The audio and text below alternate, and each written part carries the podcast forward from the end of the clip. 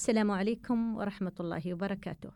تزهو المجالس عندما يطيب الحديث، وترقى المسامع عندما تزيد المعارف، وبين المعرفة والحديث الطيب مواضيع تأخذنا لنتحدث مع التنمية الأسرية. معكم أنا مريم الشرف في حلقة اليوم، وسعيدة اليوم بمشاركة الدكتورة مهرة مالك أخصائي العلاج النفسي والاجتماعي، كما تشاركنا من الجيل الواعد الطالبة الجامعية نعمة العلي من جامعة زايد أهلا وسهلا فيكم في بودكاست لنتحدث. اليوم موضوعنا عن الصحة النفسية لدي الشباب وتأثيرها على سلوكياتهم. نبدأ حوارنا أولا مع الدكتورة مهرة آل مالك لنبدأ. دكتورة بمفهوم الصحة النفسية لدي الشباب متى نحدد أن هذه المشكلة نفسية لهذه الفئة العمرية؟ ومتى نقول بأنها عابرة وغير مقلقة؟ تفضل. كبداية إحنا إذا ذكرنا شو هي الصحة النفسية عند الشباب؟ هي حالة انفعالية تكون عائق للشاب عن ممارسة حياته بشكل طبيعي. فإحنا متى نقول أو نحدد هي؟ تي okay؟ آه متى نقول أكمل ولا أعيد؟ أوكي. في البداية إحنا آه، نذكر ما هو تعريف الصحة النفسية ومتى نقول أن الشاب يتمتع بصحة نفسية ومتى متى ما يتمتع فيها أو يكون عنده مشاكل نفسية. هي حالة انفعالية تمكن الشاب من ممارسة حياته بشكل طبيعي. ويكون قادر على التكيف مع الحياة وإشباع احتياجاته بشكل طبيعي. طبعا هو يكون متكيف مع نفسه ومع المجتمع. فإحنا متى نقول هاي مشكلة؟ إذا كانت عائق عن ممارسة حياته. طبعا مو بعائق يعني يوم يومين ما قدرت أسير الدوام ما رقدت زين آه ما كانت عندي شهية للطعام أنا أقول هاي مشكلة؟ لا. إذا استمرت أكثر عن أسبوعين. فإذا كانت هالمشكلة مستمرة أكثر عن أسبوعين وكانت عائق عن ممارسة حياته بشكل طبيعي يعني منعزل عن الناس ما كان ما كان عنده استمتاع بالحياة. آه، كانت عنده رغبة في الانعزال عن الناس بشكل بشكل آه، مبالغ فيه. في في بعض الشباب يكون هروبهم من المشكلة أو إذا كان عنده مشكلة نفسية ينام وايد فهو يهرب من المشكلة بالنوم. واحد ثاني أو الفئة الثانية ما تقدر تنام نهائيا لأنه يكون عندها قلق مستمر وتفكير مبالغ فيه. آه، نفس الشيء بالنسبة للطعام آه، يا أنه يكون يرد حرته في الأكل يا أنه ما يشتهي الأكل نهائيا. فأنا كسلوكيات هاي متى ألاحظ؟ يعني مثلا إذا كان زميل في العمل إذا كان أخويا أو إذا كان أي فرد من أفراد الأسرة نلاحظ عليه هالسلوكيات أو بعض المظاهر السلوكية اللي تبين أنه في عنده مشكلة. أحيانا الشخص يكون عنده أحداث الحياة العادية. مثلا استوت عنده مشكلة مالية مشكلة عاطفية مشكلة في العمل ممكن تأثر عليه أنه شوية ينعزل أو أنه ما يكون له خلق أنه يتكلم ويا الناس. فأنا لازم أفرق متى تكون مشكلة تستدعي العلاج ومتى تكون آه، ظرف عابر كم يوم ويرجع طبيعي. هاي الأغلبية يعني يكون عندهم لبس بالموضوع. فإذا إحنا لاحظنا على الشاب أن استمرت أكثر عن أسبوعين وصلت ثلاث شهر آه، امتنع عن الذهاب عن الخروج من الغرفة عن ممارسة الحياة بشكل طبيعي. فأنا لازم أوجهه للذهاب إلى يعني إحنا مو بلازم أول مرة إحنا نسير حق الطبيب النفسي. أنا ممكن اسير حق المعالج النفسي اللي هو الأخصائي النفسي اللي ممكن يقدم لي إرشادات نفسية شو اللي لازم أسويه؟ اللي هو التقييم النفسي اللي أنا أحتاجه. وممكن يكون يعني كمنصات افتراضية أو حضور شخصي. هو يفضل أن الحضور الشخصي بس إذا أنا كان فيها إحراج ما كنت أبى أدخل في دوامة أني أنا أفتح ملف ما أفتح ملف. فأنا ممكن شوية ألجأ لبعض الاختبارات النفسية بعض التطبيقات اللي تساعدني في معرفة هل هاي مشكلة تستدعي العلاج أم هو عارض في الحياة. نعم. حضرتك دكتورة تكلمتي قلتي أسبوعين. آه، آه، أسبوعين يعني بمعنى أسبوعين ولا يعني بعض الحالات يعني تستدعي أن الواحد يصبر في الحالة ويراها آه، إذا استمرت أكثر من ذلك. يعني يعني أرى من وجهة نظري ساعات أن ممكن الواحد يكون يتغير في رتم حياته ينعزل يريد أن يفكر. فهل هل أسبوعين يعني يحددون إنه هو يحتاج إلى فترة علاجية. لا هي الأسبوعين أنا أنا ذكرت إن هي يعني إذا أقل بالأيام أنا بقول انه هو عنده مشكلة معينة ويمكن هو يمر بظروف يمكن عنده مشاكل في الدراسة يمكن ويا زملائه يمكن تعرض لمشاكل أسرية. بس إذا كانت أسبوعين أو أكثر هذا أول أول شرط. ثاني شيء إذا أعاقته عن ممارسة حياته بشكل طبيعي. م. أنا كنت إنسان أطلع وأدخل وأمارس حياتي بشكل طبيعي. استمريت أسبوعين ما أطلع نهائيا أنا من جالس في الغرفة. ما أطلع نهائيا ما آكل ما يعني حتى الأكل يكون عنده خفيف. وصل لي ثلاث أسابيع شهر. يعني إحنا عندنا الدراسات والاختبارات النفسية يوميا نطبقها على على المراجعين. إحنا نسألهم آخر أسبوعين كيف كان مزاجك؟ كيف كانت مثلا آه، حياتك الاجتماعية. فأقل عن أسبوعين أنا ما أقدر أقول له عنده مشكلة نفسية. إذا آه، وصلت لين ثلاث أسابيع أو شهر بعد مو بإني أنا بقول هو مريض نفسي لا هو يحتاج كدعم نفسي نعم. كاستشارة نفسية, نفسية. عشان أنا أقدم له الدعم المناسب. نعم. دكتورة إذا يعني آه، انتقلنا إلى آه، توضيح أبرز التحديات التي يعيشها فئة الشباب في جانب الصحة النفسية. والتي بدورها ممكن يعني تخلي الشاب أو الشابة أكثر عرضة للهشاشة والكسر.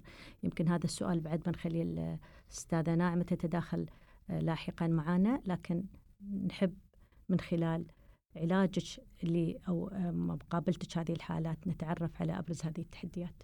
كتحديات أول شيء بتعرض الشباب للإحباط. آه، أحيانا يكون عدم التقبل من قبل سواء الأسرة أو الأشخاص المحيطين فيهم.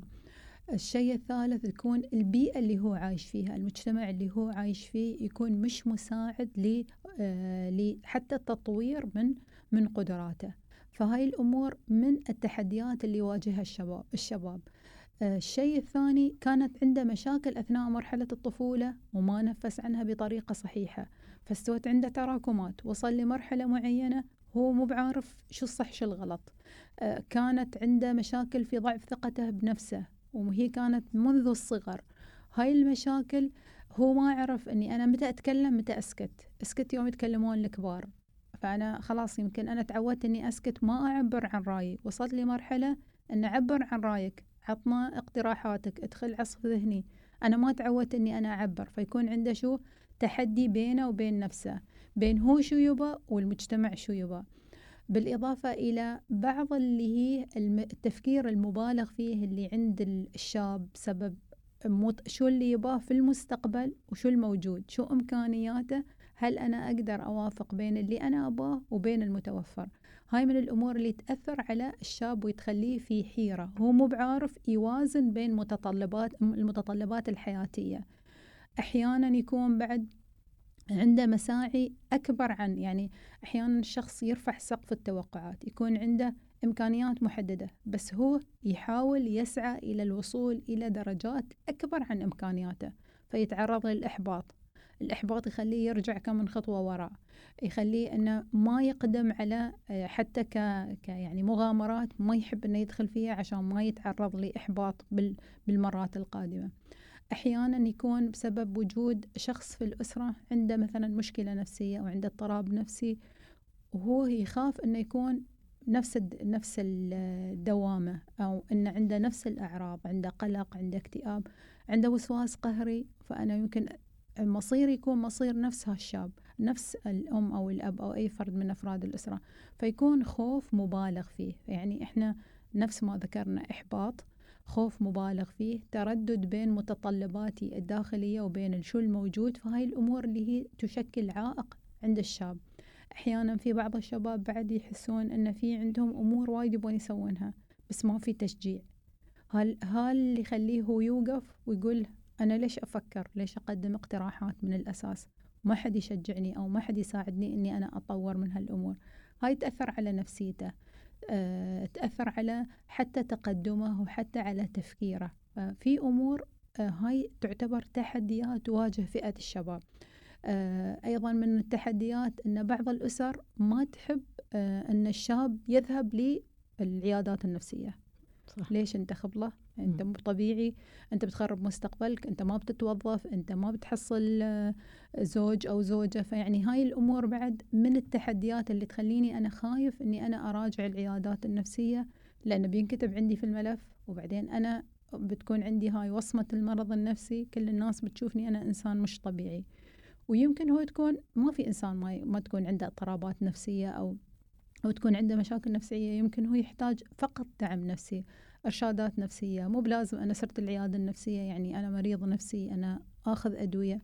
يمكن إرشادات نفسية يمكن بعض الأمور اللي هي العلاج السلوكي المعرفي تتحسن عند المشكلة. فهاي من التحديات اللي دائما الشباب يكونون خايفين منها. وايديني من المراجعين العيادات النفسية يوم بدون علم أهلهم لأنه هو خايف إذا عرفوا.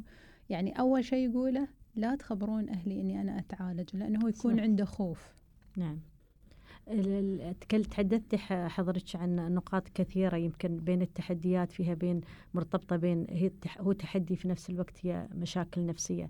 يعني نقدر نحدد إذا جينا نتعمق ممكن نحدد المشكلات النفسية التي يواجهها الشباب وتستدعي منهم زيارة يعني ضرورية للأخصائي النفسي أو للطبيب النفسي يعني نحدد شوية المشكلات دكتورة بشكل أعمق يعني لنكون يعني نحن نحط إيدنا على الجرح. هذه الحالات لا تستدعي الانتظار. اللي هي إذا كانت عندي مثلا أفكار انتحارية. م. حتى لو فكرة حتى لو أنا أعرف أن هاي الفكرة مش مش جدية مية بالمية لازم أراجع طبيب نفسي أو أخصائي نفسي أو معالج نفسي. إذا كان عندي اكتئاب لأن الاكتئاب في بدايته يعني تصنيفات الاكتئاب في اكتئاب بسيط متوسط شديد. البسيط يمكن يحتاج دعم نفسي فقط المتوسط والشديد يمكن يحتاج تدخل علاجي. فإذا أنا كانت عندي أعراض اكتئاب كيف أنا أعرف أن هاي, هاي أعراض اكتئاب ولا لا؟ نفس ما قلنا إذا كانت عائقة عن ممارسة حياتي. إذا أنا أحس بالحزن أي شيء يصيحني. آه، أسمع خبر مو بزين بصيح. أشوف مثلا أخبار آه، فيلم على طول أنهار من من البكاء بسبب يمكن هو يكون مشهد تمثيلي وأنا أعرف إنه مشهد تمثيلي بس لأن أنا نفسيتي تعبانة هي اللي تخليني إني أنا أندمج مع الفيلم وأعيش نفس الأحداث. ما كنت ما كانت عندي قدرة يعني أنا ذكرتها أرق ما كانت عندي قدرة على النوم أو إني أنا أنام عادي 12 ساعة مستمرة لأني أنا يكون عندي هروب من المشكلة. يكون عندي آه تفكير مبالغ فيه يعني يكون عندي تأنيب ضمير جلد الذات. هاي من الأمور اللي وايد تتعب الشخص. إذا ما تدخل وتركها نفس ما هي ممكن تأثر وتتفاقم عنده يعني يمكن تكون عنده أعراض بسيطة وتزيد. فالقلق يحتاج تدخل. يعني يمكن ما في شخص ما يقلق بس القلق المرضي يختلف عن القلق العادي. القلق العادي اللي هو أني أنا مثلا عندي مقابلة أنا شوية بكون متوترة أفكر فيها. بس القلق المرضي اللي أنا ما برقد طول الليل عشان عندي امتحان باكر. أه بسير بيكون عندي نشفان في الريج بتكون عندي أعراض وايد بسبب خوفي من المقابلة اللي أنا بدخلها. ما بنام نهائيا في الليل. يمكن يكون عنده ألم في البطن يمكن تكون عنده رجفة في إيده تعرق احمرار في الوجه. هاي كلها من الأمور اللي تأثر على الشخص. طبعا أنا ما بقول كل هالأعراض إذا طلعت عند الشخص يعني هو عنده مرض نفسي. إذا كانت مستمرة يعني في أشخاص عندهم قلق امتحان. قبل الامتحان تستوي لها الأعراض كلها. امتحان خلص طبيعي. بخير نعم. ما عنده أي مشكلة. متى أنا أفرق بين آه، هو يحتاج تدخل ولا لا. في أشخاص يعني يعني إحنا حتى الطلاب اللي عندنا في الجامعة اللي عندهم قلق الامتحان أنا أعرف مستواه وأعرف إنه هو مستواه أعلى عن شي بس هو بسبب قلق الامتحان هو ما يجيب درجات زينه يكون حافظ كل الإجابات بس يدخل الامتحان ينسى كل المعلومات. فانا أعطيه التعليمات اللي هو لازم يسويها تمرين الاسترخاء اهدى حاول إنك تسترخي شوي شوي بتتذكر. إذا نسيت السؤال الأول توجه للسؤال الثاني. هاي تعليمات وإرشادات نفسية إحنا نعطيها للشاب عشان يهدى ويرجع يمارس حياته بشكل طبيعي. فالاكتئاب القلق الوسواس القهري. الوسواس القهري كبداية إذا كانت كسلوكيات يعني يمكن إحنا وايد شفناه ولاحظنا هاي الاضطرابات الخاصة بالوسواس القهري وسواس الصلاة. آه، يمكن فترة كوفيد فترة كورونا ابتدت تظهر الأعراض يعني كانت عندهم اللي يخاف من مثلا يمسح كل شيء. على فترة الانتشار آه، مرض كوفيد كل زادت عنده الأعراض لدرجة أنه يمسح كل شيء. ما يبغى حد يسلم عليه ما يبغى حد يكلمه ما يطلع من البيت. فتتظهر شو؟ الأعراض المرضية. تظهر أفرق بين إذا هو كانت عنده مشكلة تستدعي العلاج ولا هو من النوع اللي خايف على صحته وما يبغى يمرض. فهل الاضطرابات اللي هو نفس ما ذكرنا يعني القلق والاكتئاب من أكثر الاضطرابات النفسية المنتشرة في العالم مش عندنا بس في الإمارات في العالم. آه القلق آه منتشر وايد بس الناس شوية تشوفه يعني عادي إن الواحد يحاتي وينشغل باله. بس أحيانا إحنا ندخل في دوامة التفكير المبالغ فيه. نفس الشيء الاكتئاب. إذا وصلت لي تأنيب الضمير وجلد الذات هاي بيأثر علي. فأنا بدال ما يكون عندي تأنيب ضمير وإني أنا دائما أكون مستمر في مرحلة إني أنا أنب يأنبني ضميري أنا أسير حق المعالج النفسي. يمكن يعطيني بعض بعض الأمور اللي أنا أركز عليها اللي هي دائرة العلاج السلوكي المعرفي وتنحل هالمشكلة الإحباط المستمر الخوف. أحيانا بعد في بعض الشباب يعني يمكن هاي نلاحظها عند الشباب أكثر عن الشابات نوبة الهلع. آه تكون عندهم نوبة الهلع حتى الخجل الاجتماعي. يعني ما تكون عنده قدرة على الوجود في مجموعات كبيرة. أكثر عن خمسة يحس أنه متوتر تعرق آه نبرة الصوت مترددة يكون عنده احمرار في الوجه. حتى يوم يتكلم كلامه يكون مش مفهوم. كبداية الناس يمكن تأخذ عن أنه يستحي وما متعود على اليمعات. بس مع الوقت أنا أشوف هذا أثر عليه ويمكن حتى في عمله حتى في الجامعة بيأثر عليه. فأنا لازم أخذها بعين الاعتبار وأقدم له الدعم النفسي اللي هو محتاج لنا عشان يتخلص من هالأعراض ويمارس حياته بشكل طبيعي. جميل جدا. دكتورة تكلمتي عن آه، يعني نقطة وايد مهمة هي نقطة الانتحار. كيف الأهالي يكونون على وعي أن مثلا هذا الابن قد يقبل أو يفكر في الانتحار؟ كيف مثلا أنا أراقب ابني ولا ابنتي وأعرف وأتعرف إذا هي مثلا إذا كانت هي نفس الشيء تمر بمراحل قلق أن هي ممكن ياس تفكر في هاي النقطة أو ياس يفكر في هذا النقطة في هاي النقطة. آه، بالنسبة لمحاولات الانتحار سواء كان تفكير يعني هي في عندنا أفكار انتحارية وفي محاولات. أحيانا تكون عندي فقط أفكار يكون عندي يأس يكون عندي اكتئاب اللي هو الاكتئاب الشديد. آه، أبدأ أنزوي أبدأ أجمع مثلا آه، أدوات حادة أجمع أدوية آه، لأني أنا مفكرة في منهم يكتبون وصية أن يعني خلاص هو مقدم على الانتحار. دائما يبين لأهله أني أنا أحبكم أني أنا أخاف عليكم سامحوني يعني هذيل اللي تكون عندهم المحاولات الجدية. يعني حتى كدراسات يمكن الشباب عندهم المحاولات تكون جادة أكثر. عن الفتيات. يعني يمكن الفتيات يكون عندهم شوية لفت انتباه يمكن عندها زعلانة من مشكلة يمكن تبى زيادة اهتمام فهي تحاول إنها تطلعها بطريقة غير مباشرة. إني مثلا أنا أخذت 12 حبة بنادول إن مثلا أنا جرحت إيدي إن أي فأنا كيف ألاحظ أنا كولي أمر أو كأب أو أم أو أنا قائم على الرعاية إن هالشخص عنده بعض الأفكار الانتحارية. لغة الجسد تبين عليهم يوم يدخلون في الاكتئاب يعني هو من أسباب اللي هي الأفكار الانتحارية أو وصول الأفكار الانتحارية للشخص أنه عنده الاكتئاب الحاد اللي هو الشديد. فأنا ألاحظ عليه أنه خايف أنه ما عنده استمتاع بأي شيء في حياته. عنده أيضا آه بعض الأمور اللي تأثر عليه أي شيء محزن ما يعني حتى حتى لو تسوي له الشيء اللي هو كان وايد يحبه حتى ابتسامة ما يبتسمها.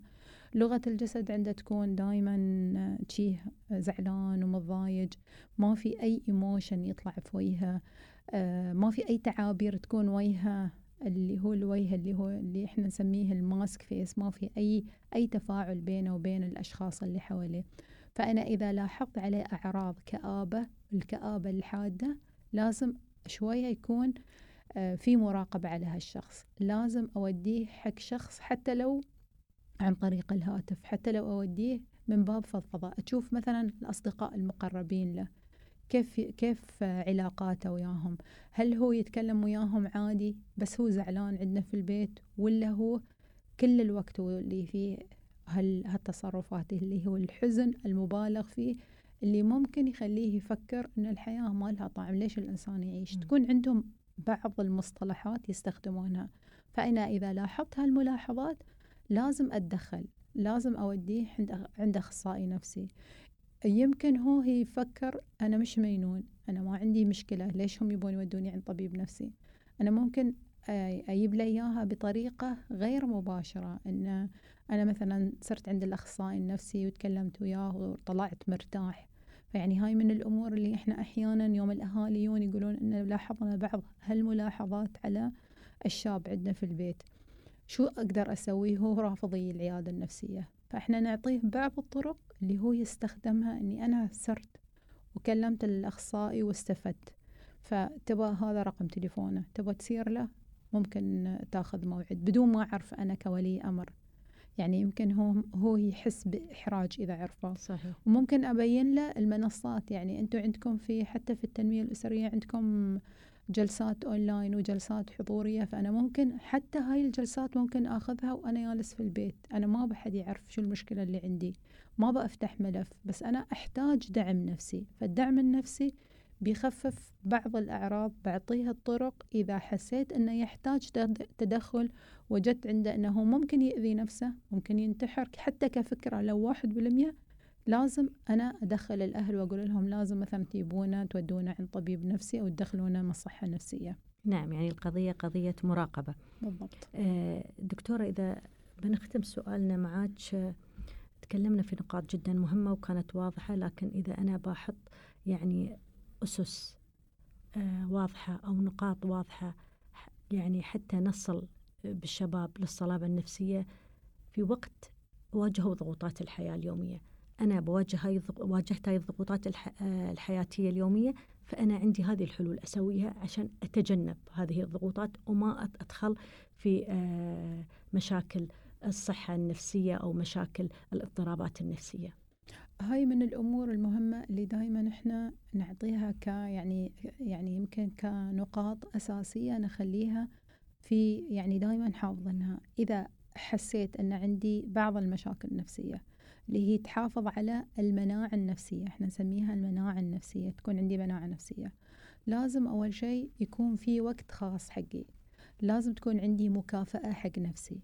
لازم يكون عندي آه يعني إذا حسيت بأي مشكلة أنا أعاني منها أقارن نفسي بالأشخاص اللي حواليا. شو النعم اللي أنعم الله علي فيها والناس ما عندهم؟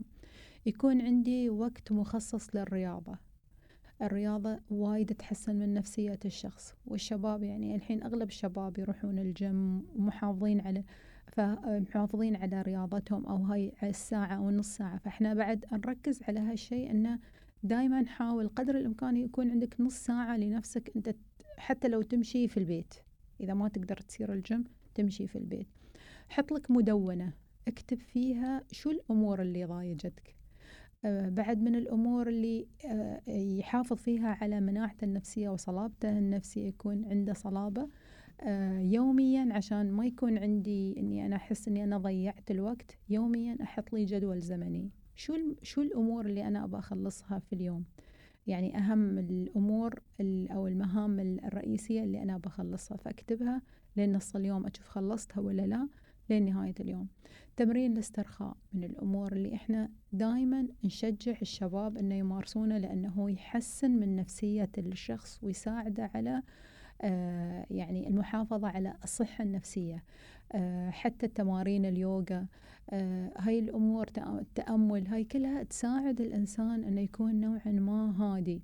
يكون عندي صديق من الأصدقاء اللي أنا أثق فيهم إذا حسيت بأني أنا متضايج منو الشخص اللي أنا أول شخص أنا ممكن ألجأ له؟ يعني أنا ها ممكن أفضفض له. بس الشيء الأساسي بعد أنه يكون عندي يوم بالأسبوع يعني نفس المجتمعات الغربية يوم في الأسبوع يصيرون حق الأخصائي النفسي. حتى لو ما كانت عنده مشكلة ويصير يفضفض يطلع كل اللي عنده ياخذ الإرشادات النفسية اللي هو محتاجنها فهو مش عيب إني أنا أروح عند الأخصائي النفسي أو المعالج النفسي إني أنا أتكلم وياه بس من باب إني أنا أحافظ على صحتي النفسية. فيعني هاي بعد من الأمور اللي بتحافظ على صلابتي النفسية بتكون عندي نوعا ما مناعة نفسية. أنا عارف وين المكان اللي ألجأ له إذا واجهتني أي مشكلة.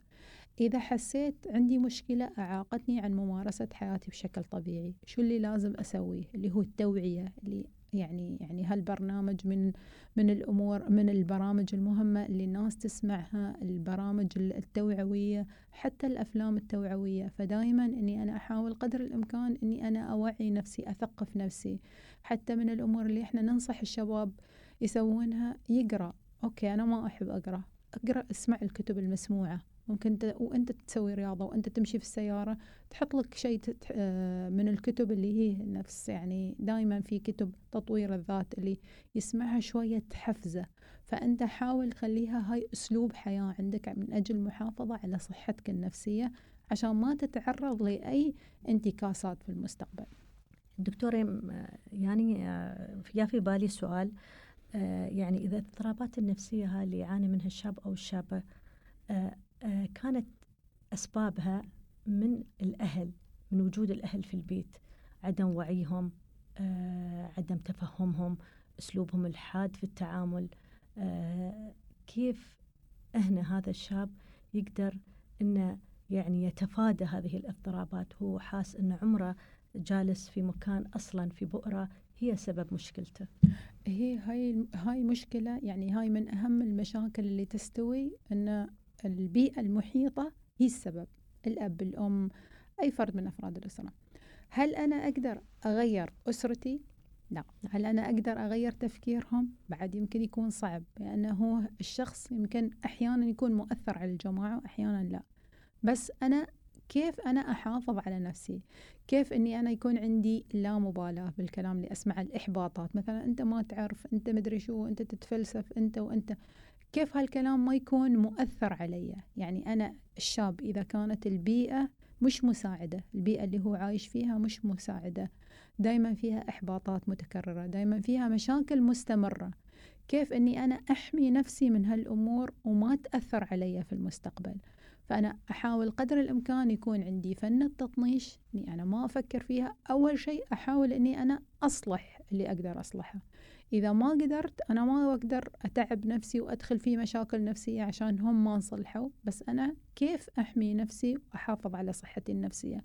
فيكون عندي بعض الأمور بعض الخطوط الحمراء اللي ما أتعداها بعض الأمور اللي أنا أحاول قدر الإمكان أني أنا ما أركز عليها وما أدقق عليها وبعض الأمور اللي شوية أنطنشها لأن بالنهاية أنا ما ب... ما بقدر أغير الكون كامل صحيح. أنا بس بغير من نفسي.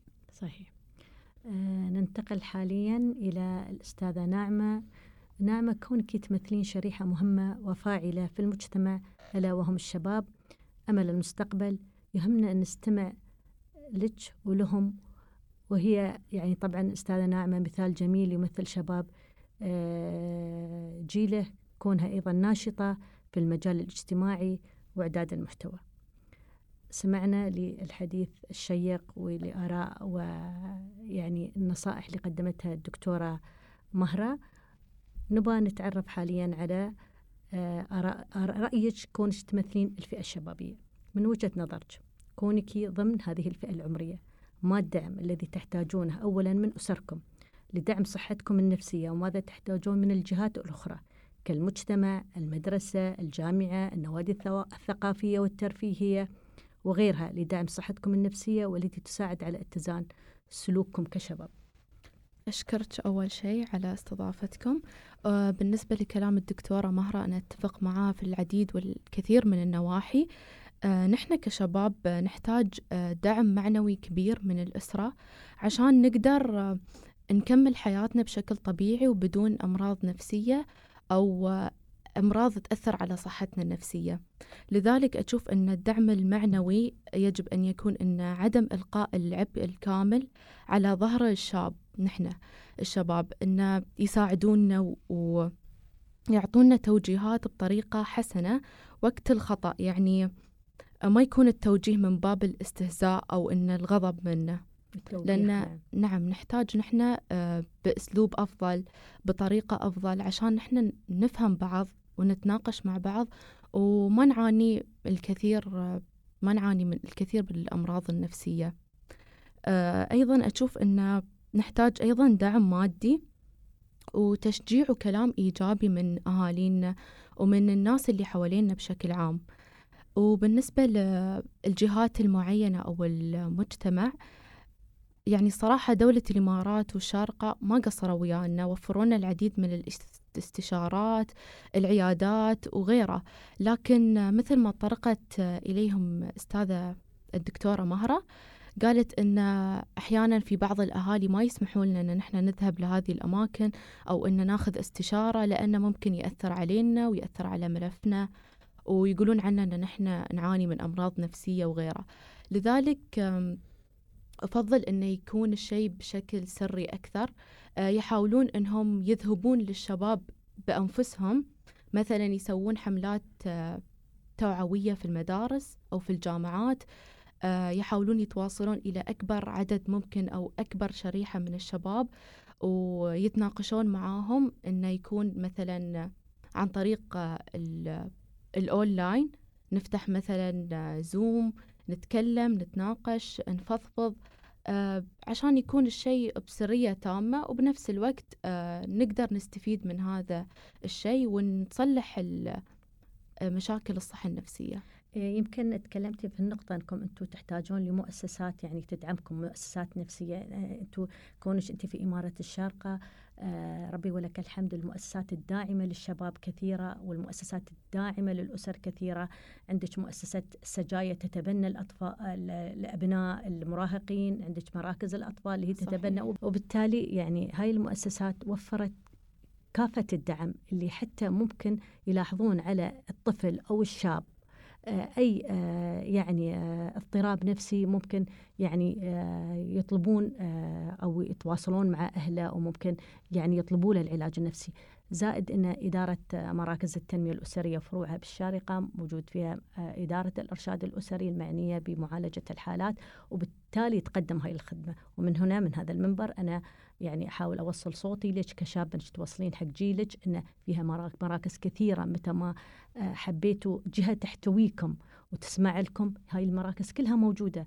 أعتقد انت موجودة في سجايا فتيات الشارقه هم صحيح. يقدمون الدعم الكامل وأيضا إدارة مراكز التنمية الأسرية بإدارة الإرشاد موجودة وانت ان شاء الله بإذن الله بتكونين السفيرة دائما لتوصلينها للشباب جيلك انه المراكز موجودة والإدارات موجودة والجوانب والمؤسسات اللي هي ممكن تدعمك أنت نفسيا آه، في جانب المهارات في جانب اللي أنت تحبه. كل المؤسسات آه، ولله الحمد في الدولة آه، وفي إمارة الشارقة بالتحديد هاي المؤسسات موجودة.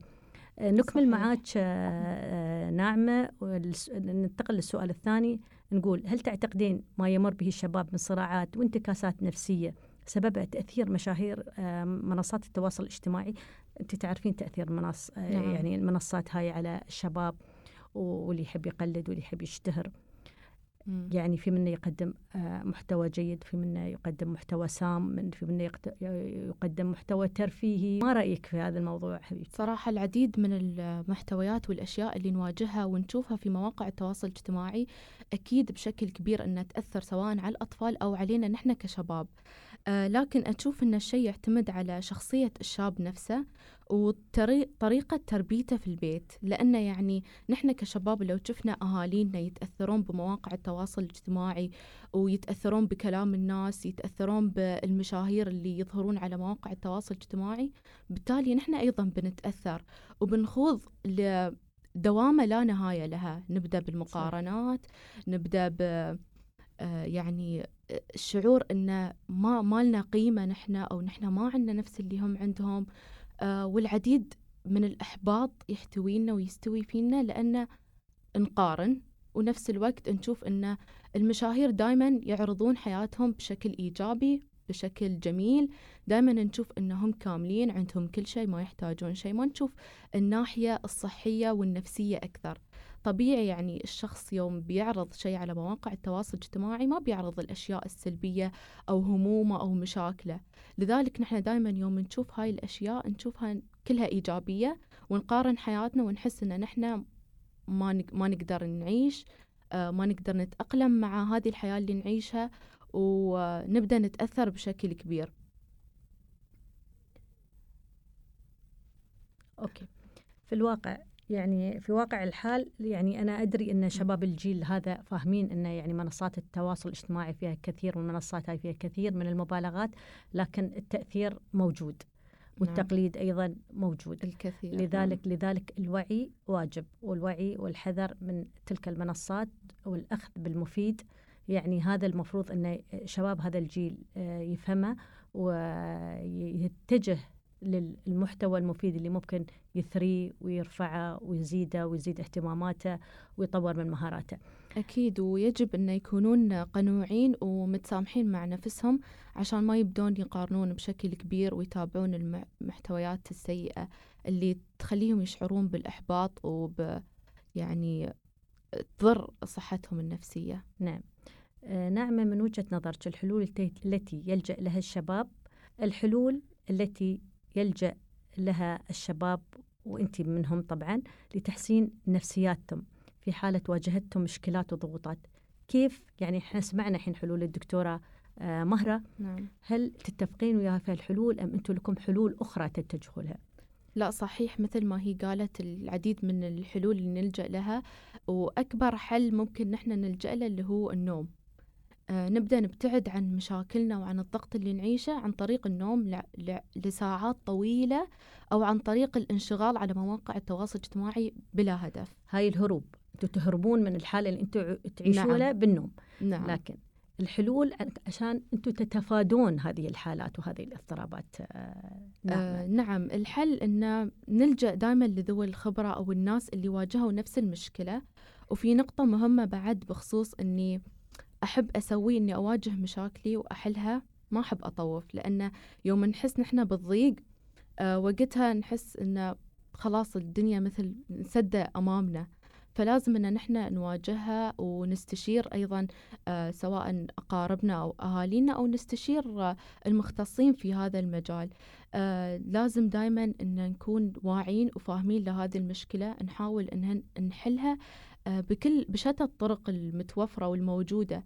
آه، مثل ما ذكرتي أيضا في العديد من الطرق أنتم توفرونها حقنا آه، الشارقة توفر توفر لنا حلول كثيرة.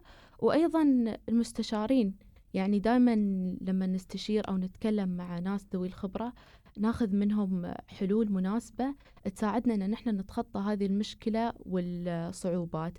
وأيضا مواجهة المشاكل يكون عبر ترتيب الأفكار. عقبها نرصد الخلل ونبحث عن حل لأن ممكن الموضوع يعني أنا مش فاهمتنا عدل أو مو بمرتبة أفكاري فأشكل المشكلة مع أنها بالأساس ممكن ما تكون مشكلة. أشكلها في دماغي فتكبر عندي بشكل أكبر آه، بالتالي تأثر علي. حلو. نعم. هل أنت إذا واجهتي مشكلة تلجئين لصديقة مقربة؟